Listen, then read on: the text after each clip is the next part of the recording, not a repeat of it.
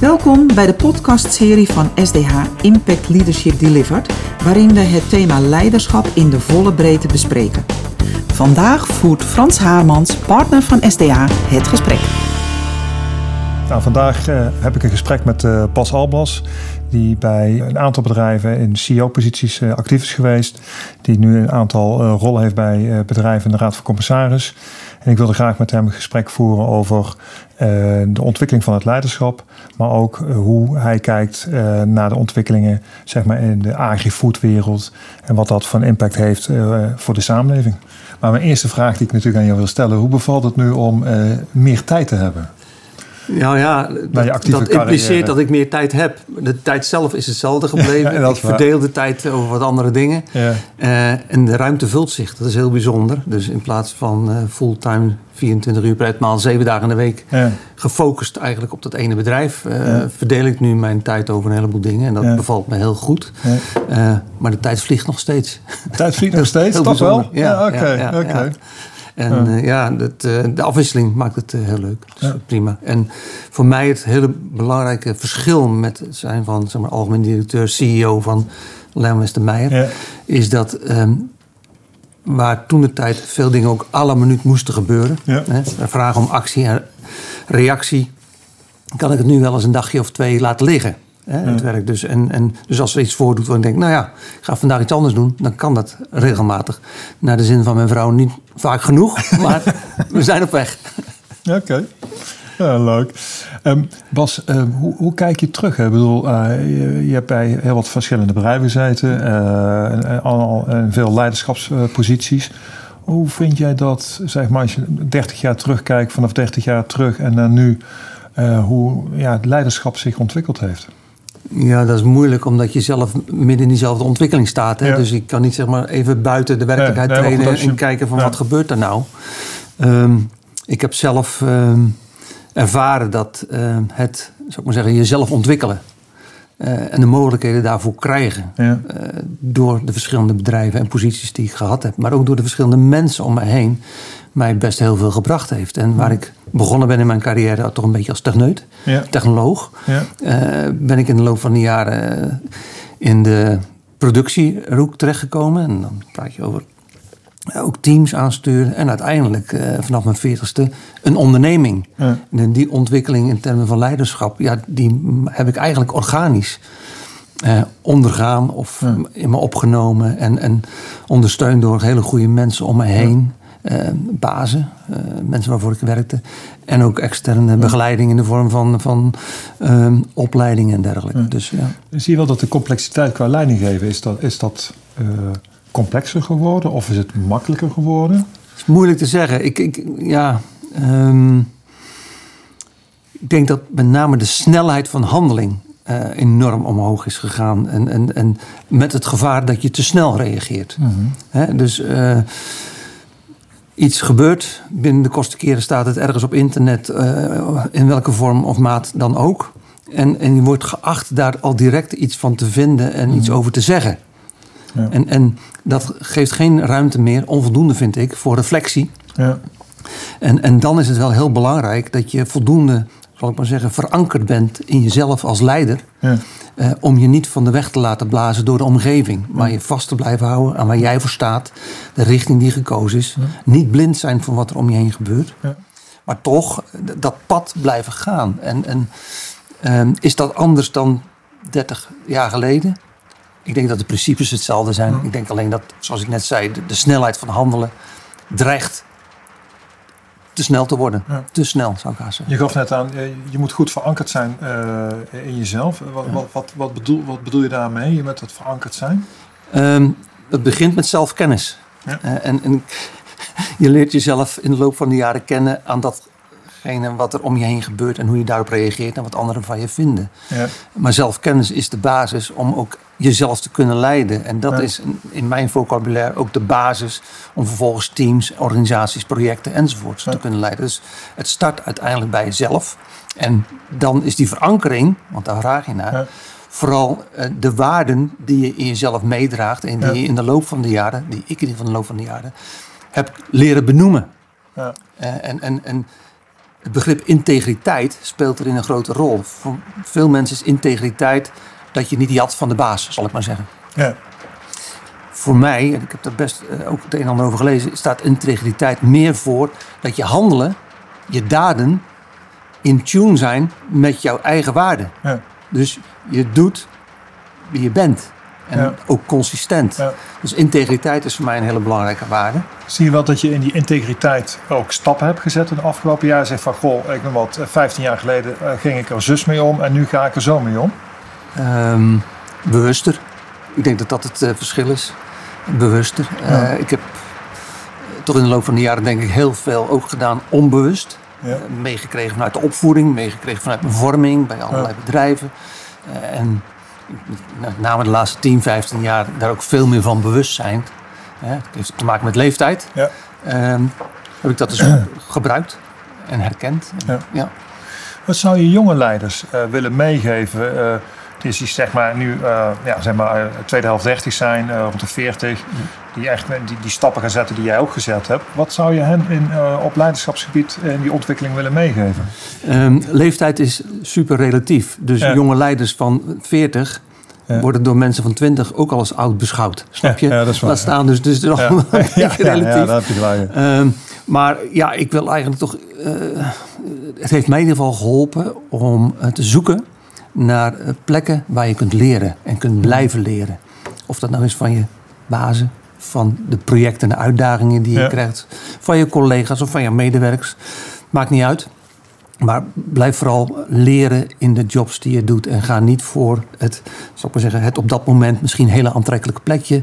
Maar combineer dat met, oké, wat, wat kan ik me daar als persoon of als leider eh, nog meer in, in betekenen. En, en meer aan, aan, aan, aan bijdragen aan mijn palet, zal ik Ja. maar zeggen. Dus in die zin blijf leren. Dus blijf ook openstaan voor, eh, voor nieuwe prikkels. Dus Ja. nieuwsgierigheid. Ja. Ehm, en, en, en zorg er ook voor dat je niet in de waan van de dag terechtkomt. Dat zou ik eigenlijk eh, toch wel mee willen geven. En, en hoe kom je niet in de waan van de dag terecht? Ja, dan zijn we weer terug een beetje met waar we het net over hadden. Ken jezelf. Ja, manier. Zoals Cote en de zongen ooit.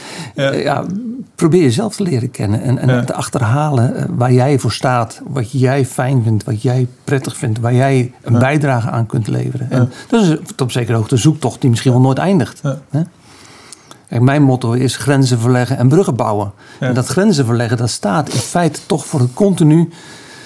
Ja, weer over een, een, een drempel die je vaak ook zelf oplegt tussen je Ja. oren. Ja. Heen stappen, omdat dit je een nieuwe ervaring levert. eh, wat soms spannend is. Ja. Maar mijn ervaring is, het levert ook altijd heel veel op. Ja. Weet je, grenzen verleggen, kun je dat ook zien als eh, buiten je comfortzone gaan? Ja, ja, tot op zekere hoogte ja. Ja, maar het betekent ook in ieder geval buiten de tot, tot dat moment bekende paden te treden. Hè, en te zeggen, oké, ik sla eens een keer linksaf. In plaats van dat ik dacht dat ik rechtsaf ging. Om eens te, te exploreren. Maar Kijk, er is wel moed voor nodig om dat te kunnen. ja, ja, maar kijk, ik heb heel veel natuurlijk ook opgedaan in de loop van de jaren. Kijk, moed is niet de afwezigheid van angst. Maar is ermee leren om te gaan. En Ja. ondanks de angst toch de stappen te zetten. En, en, en heel veel wordt door jezelf opgeroepen. Ja. Nou, om dat te herkennen en vervolgens zeggen: Oké, ik stap over die zelf ingebouwde horde heen. En ik ga toch eens een keer eh, op pad. Nou, dat is eh, denk ik eh, iets wat, wat ik in ieder geval mensen ja, toewens, laat ik het zo Ja. zeggen. Ja. Ja, Hoe ben je daar, eh, je hebt aan heel veel teams eh, leiding gegeven, dat, dat gedachtegoed wat, eh, wat we nu eh, bespreken. Hoe heb je dat pro- geprobeerd dat je mensen daar in jouw team mee konden gaan?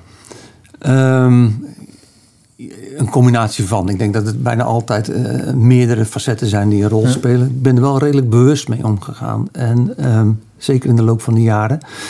Ehm, in de eerste plaats door eh, de persoonlijke gesprekken die je hebt met mensen. Ja. Waarin je de vertrouwensbasis eh, opbouwt. Om ook dingen te kunnen zeggen die Ja.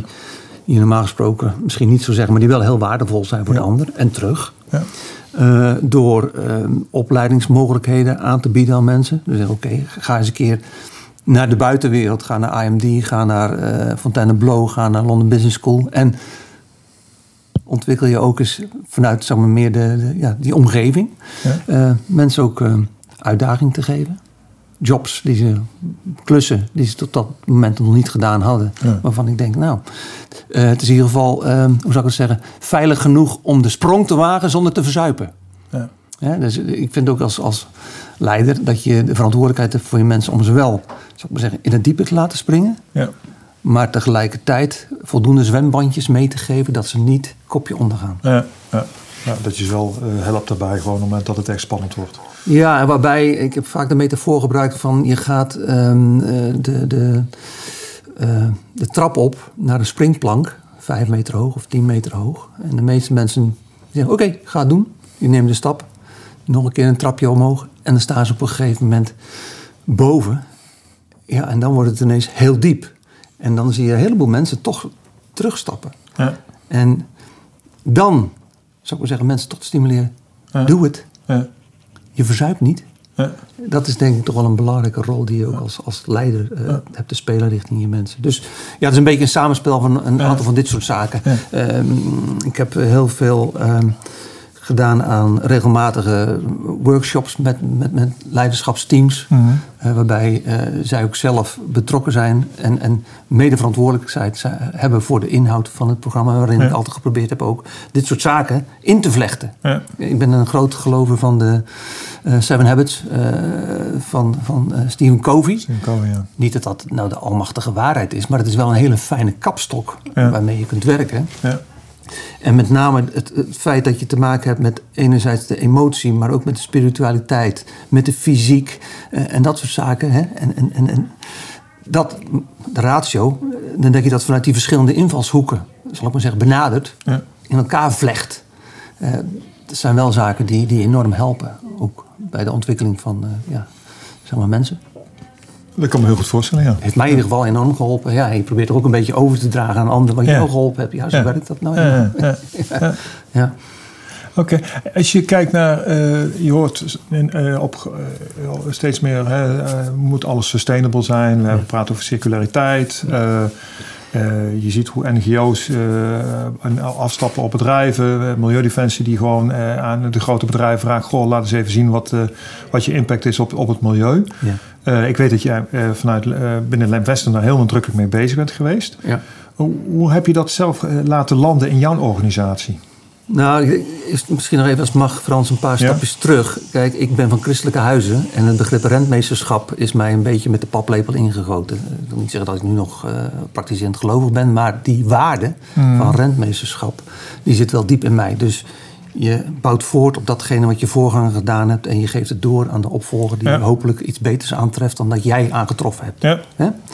Ehm, waarbij je ook als rentmeesterschap zegt: oké, ik moet met een verantwoorde manier omgaan met de middelen die ik heb. En de middelen die de moeder aarde ons geeft, zijn natuurlijk cruciaal. Dus dat is vanuit mijn opvoeding eh, mee.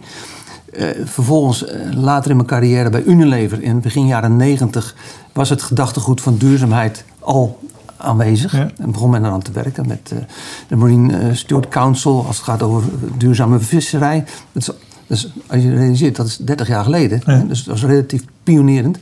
Maar daar sloeg ik ook op aan. En toen ik dus later ehm, in de aardappelwereld terecht kwam, ja, toen kwam dat voor mij allemaal samen. Toen dacht ik, nou oké, luister eens. Een boer die aardappelen poot, die weet dat hij dat onder de drie, vier jaar op hetzelfde stukje kan doen. Maar Ja. niet elk jaar, want dan gaat die, die, die, die bodem er een keer aan. En Ja. daarmee ook zijn oogst. Dus ook daar zit al dat duurzaamheid in feite impliciet in. Nou, in die wereld heb ik eh, vervolgens ehm, gezegd, heb ik dan het initiatief ingenomen. Van, nou, er wordt al veel gedaan bij Lem Westen, toen al toen ik kwam aan Ja. duurzaamheid, maar meer gedreven vanuit efficiency. Hè? Reduceren van energie, water en noem maar op. Met het idee dat doet goed aan de kostprijs. ja, En ik heb geprobeerd, en dat denk ik redelijk gelukt, de kering te maken te zeggen: nee, duurzaamheid is een licentie om te opereren, een Ja. license to operate. ja, En je moet dat dusdanig doen dat het ook rekent, bedrijfseconomisch. Ja. Dus, maar dan keer je de zaak wel om. Nou, dat hebben we in de loop van de 10, 12 jaar dat ik daar gewerkt heb gedaan. En toen ik vertrok, twee jaar terug, hebben we nog een, een laatste strategisch plan onder mijn leiding ontwikkeld. Hebben we als een van de kernstrategieën gezegd: sustainability by design. Dus in alles wat je doet, zit duurzaamheid Ja. ingebakken. ja, Of dat je nou een nieuwe fabriek ontwerpt of een nieuw product. Of dat je een bestaande operatie verbetert. Duurzaamheid is een integraal onderdeel van de bedrijfsvoering en de bedrijfsstrategie. Oké. En eh, toen je daarmee begon binnen Lemvesten, uh, uh, ja, was jij degene die dat initieerde. Ja. hoe heb je daar je organisatie in meegekregen? Ja, dat is toch ook. Ik, af en toe ben je ook als, als leider, denk ik, een beetje een. hoe zou ik het zeggen? Een, een, een dominee. Ja. dus ja, vaak erover praten. En er zijn mensen die daar hetzelfde over dachten. En ik heb dus ook een paar mensen, gelukkig. En, we kennen een aantal van die mensen ook in de buitenwereld. Jolande Zoons heb ik toen gevraagd. Die was quality assurance manager toen. En die was enorm gepassioneerd op dat, dit terrein. Van oké, we gaan een aparte aanjager uh, vinden hier in ons bedrijf. En dat ben jij, tenminste ben jij. Wil je dat worden? Dat wilden ze graag. Dus daarmee creëer je als het ware een soort van volgeling. Hè? Omdat uh, het principe van, uh, zou ik maar zeggen, uh, Jezus met zijn discipelen. er is iemand die gaat voorop en de rest die, die gaat mee. En daarmee creëer je een beweging. Dat is één. Maar wat ook gebeurt is, oké, je moet ook wel voor jezelf vaststellen. Oké, allemaal leuke praatjes. Maar wat levert het op? Wat, levert, wat doen we eigenlijk? Dus wat we ook gedaan hebben is een nulmeting. Oké, wij zijn duurzaam. Of duurzamer. Ja, hoezo en wat en waarop? Dus heel belangrijk is dan dat je ook kunt meten ja. wat je aan voortgang boekt. Dus we hebben een nulmeting laten uitvoeren. Dat viel niet mee. Want ja, die data waren er eigenlijk niet. En hoe ver ga je? Ga je dan vanaf de boer tot en met de consument? Of neem je alleen je eigen stukje in de keten? Toen we daarmee begonnen, gezegd: oké, we moeten die hele keten in kaart brengen. Wij zijn verantwoordelijk voor ons eigen stuk, maar we zijn mede verantwoordelijk voor het geheel. Dus de focus is de eerste jaren vooral geweest op ons eigen stuk. Ja. In de context van het grotere geheel. Ja. En in de loop van de tijd hebben we onze invloed ook steeds verder uitgebreid. En met name naar het territoire van de boer. Ja. Hè, want daar wordt ook heel veel water bijvoorbeeld verbruikt. Ja. Ehm, hoe, en, en, en, en, middelen om te zorgen dat die planten niet ziek worden enzovoort. Hoe kunnen we daar, zou ik maar zeggen, met de boer, met onze partners, uh, verbeteringen aanbrengen? Hetzelfde geldt voor de logistieke partners. Hoe kun je ervoor zorgen dat het energieverbruik in, in, in, in vrachtwagens uh, vermindert, enzovoort, enzovoort. Dus dat was een beetje de, de manier van aanpak. Okay. En hoe heb je dat richting jouw klanten? Je zat heel sterk richting de food service, hè? De internationale ja. food service leverden jullie. Nou, het is een, uh, heel fijn als je een aantal klanten hebt die eigenlijk nog uh, jou dwingen om, zou ik maar zeggen, te verbeteren. Ja. En dat is ook een beetje de plicht, denk ik, van de, van de leiders in een bepaalde bedrijfstak. Ja. Hè? Unilever ook, Unilever achter het, in ieder geval in de tijd dat ik daar werk, haar plicht om ook haar omgeving mee te helpen opvoeden. Ja. Dus haar leveranciers. Nou, in het geval van Lem Westermeijer hadden we één grote klant, nog steeds McDonald's, die, die ook relatief snel en massief in, in deze branche het voortouw nam op het gebied van duurzaamheid. En natuurlijk is er nog steeds heel veel kritiek op van alles en nog wat. Maar zij dwongen ook leveranciers om hun grenzen weer te verleggen. Ja. En, en, en, en, weer een stapje bij te trekken. Dus dat, dat is heel fijn. En aan de andere kant, uh, weet je, nu lijkt het vanzelfsprekend, maar tien jaar geleden niet. Maar op het moment dat je gaat praten over duurzaamheid, raak je mensen ook vaak in het hart. Ja. Want het gaat over hun toekomst. Het gaat over de toekomst van hun kinderen. En dan zijn mensen ineens wel bij de les. En mag je hopen dat ze integer zijn als het gaat over de consequenties daarvan. Hè? Absoluut. Dat realiseren. Ja. Waar ben je, als je terugkijkt eh, op je carrière, waar ben je het meest trots op? Ja, het zijn heel veel kleine dingen, denk ik. Ja. Ehm, maar uiteindelijk dat ik ehm, een hele consistente uh, ontwikkeling ook als mens heb doorgemaakt. Ja. Ehm, dat ik, uh, nou, trots is een raar woord, maar wel heel blij ben dat ik eigenlijk in alle rollen die ik gehad heb, heb mogen blijven leren en het naar mijn plezier heb gehad. Er zijn maar heel weinig momenten geweest dat ik niet met plezier naar mijn werk ging. En ik, ik zie en ik hoor ook wel eens mensen om me heen die dat heel anders ervaren. Dus daar prijs ik mezelf gelukkig mee. Ehm, maar terug naar die trots. Um, ik heb meegeholpen om Lemmes Meijer, uh, zou ik maar zeggen, verder uit te bouwen. Uh, maar dat is niet alleen in resultaten. Maar ik heb ook bijgedragen aan het steviger maken van het fundament van het bedrijf. Ja. Er zijn best veel bedrijven die hard groeien, maar die hun eigen groei niet bij kunnen houden. En, en, waar dus de, het leiderschap, de organisatievorm, de systemen, de processen in feite geen gelijke tred houden met de ontwikkeling van de onderneming. Nou, waar ik trots op ben, is dat die twee, naar mijn smaak, in balans zijn doorontwikkeld. Ja. En als je nu terugkijkt, wat zou je, wat zou je nu anders in een bepaalde situatie anders gedaan hebben met de wijsheid van nu? Ehm, niet zoveel, denk ik, Frans. Dat klinkt misschien erg arrogant, maar ik ben sowieso niet zo terugkijkerig in de vorm van: wat stel dat, wat had ik dan? Ja. Wel terugkijkend om, in de vorm van: oké, wat is de evolutie over de tijd? Waar staan we nu en wat zou dat kunnen betekenen voor de toekomst? Hè? Dus dat je snapt dat je in een soort van continuïteit uh, opereert. Overigens iets wat een hoop mensen zich niet realiseren. Hè? Dus dat wat 20, 30 jaar geleden gebeurde, of 2000 jaar geleden gebeurde, hè, dat, dat, dat wij daar een stukje van zijn en, en hoe dat erin past. Het, lijkt soms dat, nee, nou is de wereld ineens totaal anders. Nou, dat is die vaak niet. Alleen de verschijningsvorm is vaak iets anders. Ja, maar klopt. fundamenteel, naar mijn smaak, is het, eh, is het niet anders. Dus terug naar je vraag. Ik, ik, ik heb eigenlijk van bijna geen enkel ding spijt of zo. Ik zou het niet zo snel anders doen. Maar ik neem het wel in mijn rugzak mee. Om te zorgen dat ik elke keer opnieuw bij de dingen die op mijn pad komen weer zo goed als ik kan uh, reageren en acteren. Ja. Als, als CEO heb je uh, leiding gegeven aan een aantal bedrijven. Nu heb je een aantal commissariaten. En jouw gedachtegoed, hoe, uh, laat je dat, hoe laat je dat nu landen vanuit je commissariaat? Ja, dat is, dat is best een, een, een lastige, want het is veel in, indirecter dan wanneer je zelf, zou ik maar zeggen, op de bok zit, zoals ze zeggen. Um, maar ik heb ook wel geleerd in de loop van de jaren dat je kan wel de baas zijn, maar heb je ook de licentie om de baas daadwerkelijk te zijn voor de mensen? In de zin van, um, accepteren ze voor jou wat jij zegt? Of is het alleen maar een soort machtspositie die je hebt? Hè? Dus, en, en, dat is heel gevaarlijk. Dus het draagvlak, zoals we dat dan noemen met elkaar... of eh, het intrinsieke commitment van mensen... is ja. super belangrijk om, om verder te komen. Natuurlijk, als je CEO bent, heb je daar een directere invloed op. Dus voor mij is het wel zaak om met de wetenschap van indirecte beïnvloeding die rol te spelen in toezichthoudende rollen. Maar dat door veel te vragen, Frans, uiteindelijk denk ik. Lang, lang verhaal kort, veel te vragen. Ehm, en dan met name ook naar het waarom. En heb je hier aan gedacht? Kijk, er zijn veel bedrijven die hebben nog steeds onvoldoende die duurzaamheid op de agenda staan. Ja. Ja, dan kun je zeggen, oké, heb je eraan gedacht? En hoe zit dat hier? En wie organiseert dat? Enzovoort. En heb je resultaten. En nu kan ik er ook nog bij zeggen, ja, en de uh, de toezichthouders vragen over twee jaar dat jij als bedrijf hierover gaat rapporteren. Ja.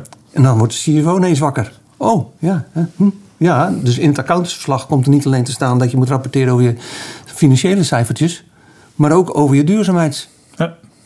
Hoe gaan we dat doen? Dan wordt het ineens dichtbij. Hè? Ja, klopt. Dus, dus op die manier probeer ik mijn invloed uit te oefenen en, en vaak ook toch buiten de vergadering om. Hè? Ik heb een tijdje voor een Frans bedrijf gewerkt. Nou, dan hadden we een agenda. Ik heb het wel eens meer gezegd in een interview. Die agenda werd nooit gehanteerd in de vergadering. En alles werd besloten voor en na de vergadering. Dus.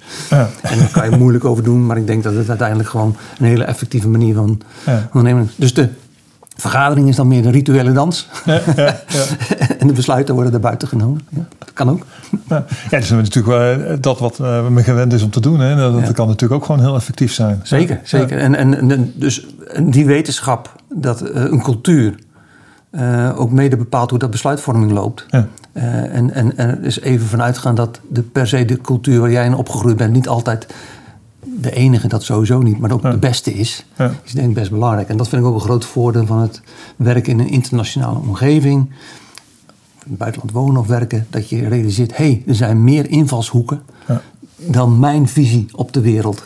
En dat je dat, als het ware, uh, ja, ook weer in je rugzak kan meedoen. en, en, en ja, je voordeel mee kan doen. Het maakt je gewoon rijker. Hè? Je leert veel uh, flexibeler te anticiperen op zaken die zich Ik denk dus dat het fijn is voor jezelf maar ook dat het goed is voor je bedrijf. Ja, absoluut, ja. ja. ja. ja absoluut.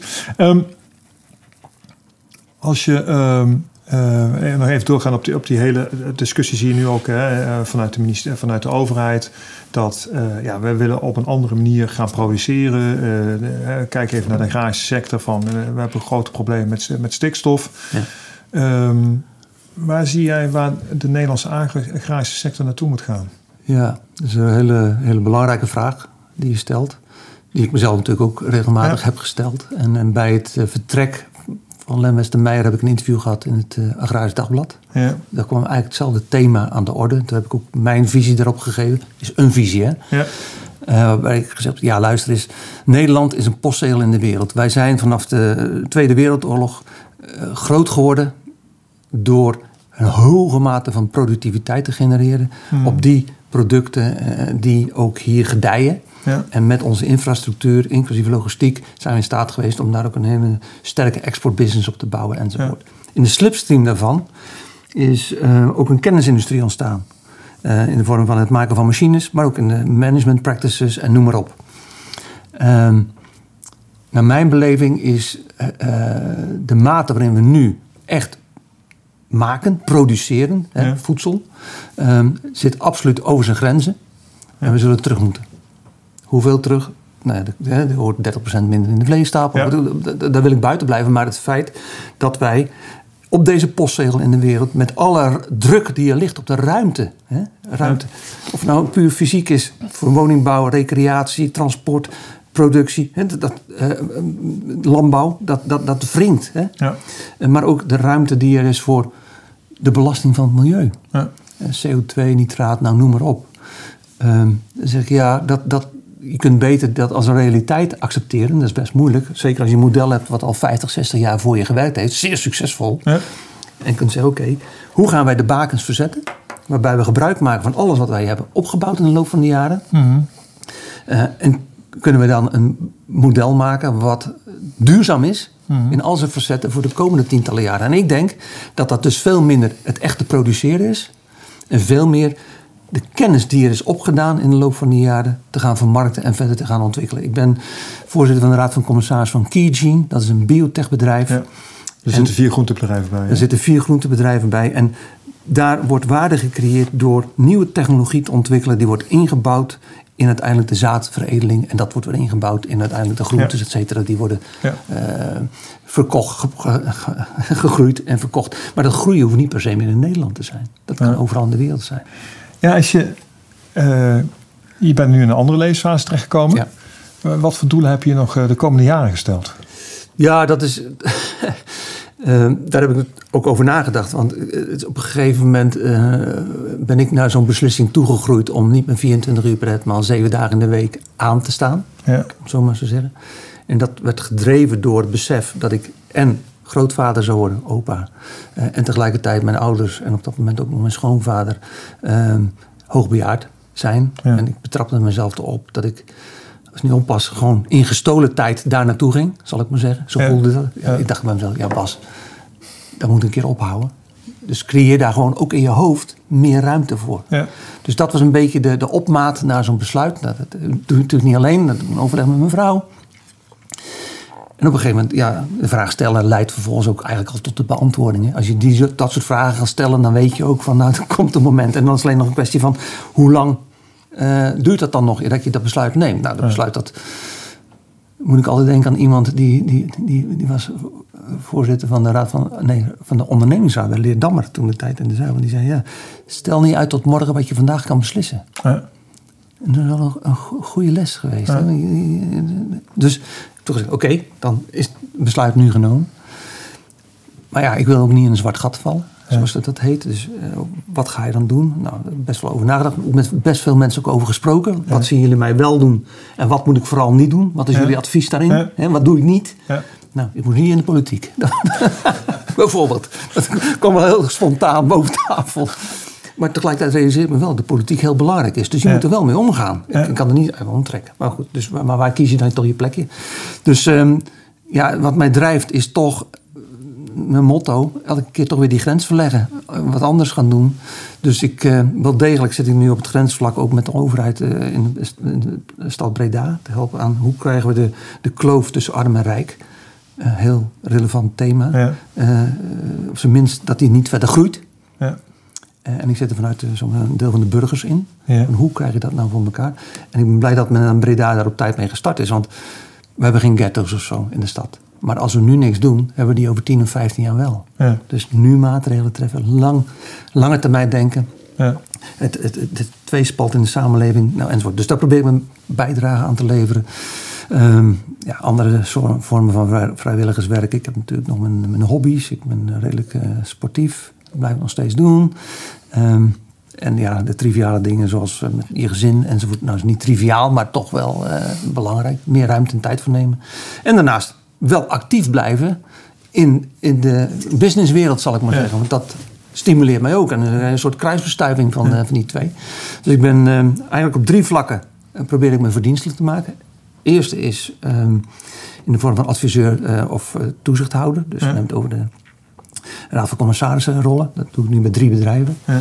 Daarnaast heb ik ehm, de ambitie, en daar heb ik al iets in gedaan, om als counselor op te treden. En dat met name voor mensen die halverwege hun carrière zijn. De groep waar jij het net over had, in het begin van ons gesprek. De 35, 40-jarigen die op een gegeven moment denken... ja, vrek, ik heb best een mooie carrière... Maar op, op een gegeven moment realiseren, maar wil ik het op deze manier nog de komende twintig jaar doorzetten? Of niet? Uh, nou, de vraag stellen is ook de ongemakkelijkheid. Vaak zie je dan dat ze heel snel de telefoon oppakken en mensen zoals jij bellen met de vraag van nou doe maar maar een andere baan. Ik probeer ze dan te helpen met eerst eens vast te stellen wie ben je zelf? Wat zijn jouw motivaties, jouw waarden? Wat heb je in de aanbieding? Kijk eens om je heen in de wereld. Wat zijn dan de opties die er zijn? Om dan uiteindelijk tot een soort van richting te komen waar ze dan zelf mee aan de slag kunnen. Dus dat is een tweede thema. Een derde is, ik heb mezelf gedoopt tot Guide for Performance, zoals het heet.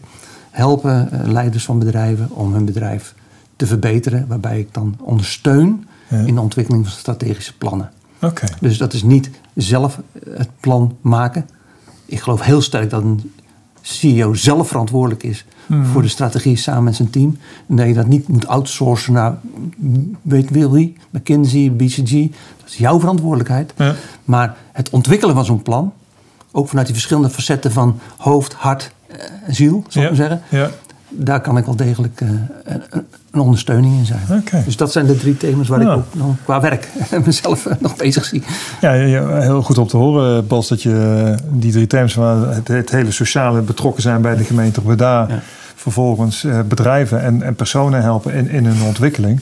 is wel uh, mooi om, om ja, te vernemen van je dat je daar ja, ook je weg of ja, je, je, je, je, jezelf goed in kwijt kunt. Ik heb natuurlijk ook afgevraagd, wat is nou mijn toegevoegde waarde in die rollen? Want dat is natuurlijk, waarom doe je zoiets even los van je eigen plezier? En uiteindelijk ben ik er toch op uitgekomen dat het enige wat iemand van 61, en daar ben ik voor heeft op een heel jonge mensen, is ervaring. Ja. Dus die ervaring, die kan ik inbrengen. En ik las ergens pas alleen een boek en dacht ik, verrek, dat is wel mooi. De ervaring is het begin van de wijsheid. Ja. Dat is mooi. En zonder te pretenderen wijs te zijn, ja. Eh, helpt het wel een beetje als je ervaring hebt. Ja. Dank uh, Bas voor, je, voor dit gesprek. Dankjewel. Graag gedaan. Dank je. Dankjewel voor het luisteren naar de podcast van SDH Impact Leadership Delivered, waarin we het thema leiderschap in de volle breedte bespreken. Vergeet niet een review achter te laten en je kunt je natuurlijk ook abonneren op onze podcastserie. Wil je meer informatie? Kijk dan op onze website sdh.nl en volg ons op LinkedIn. Tot de volgende keer.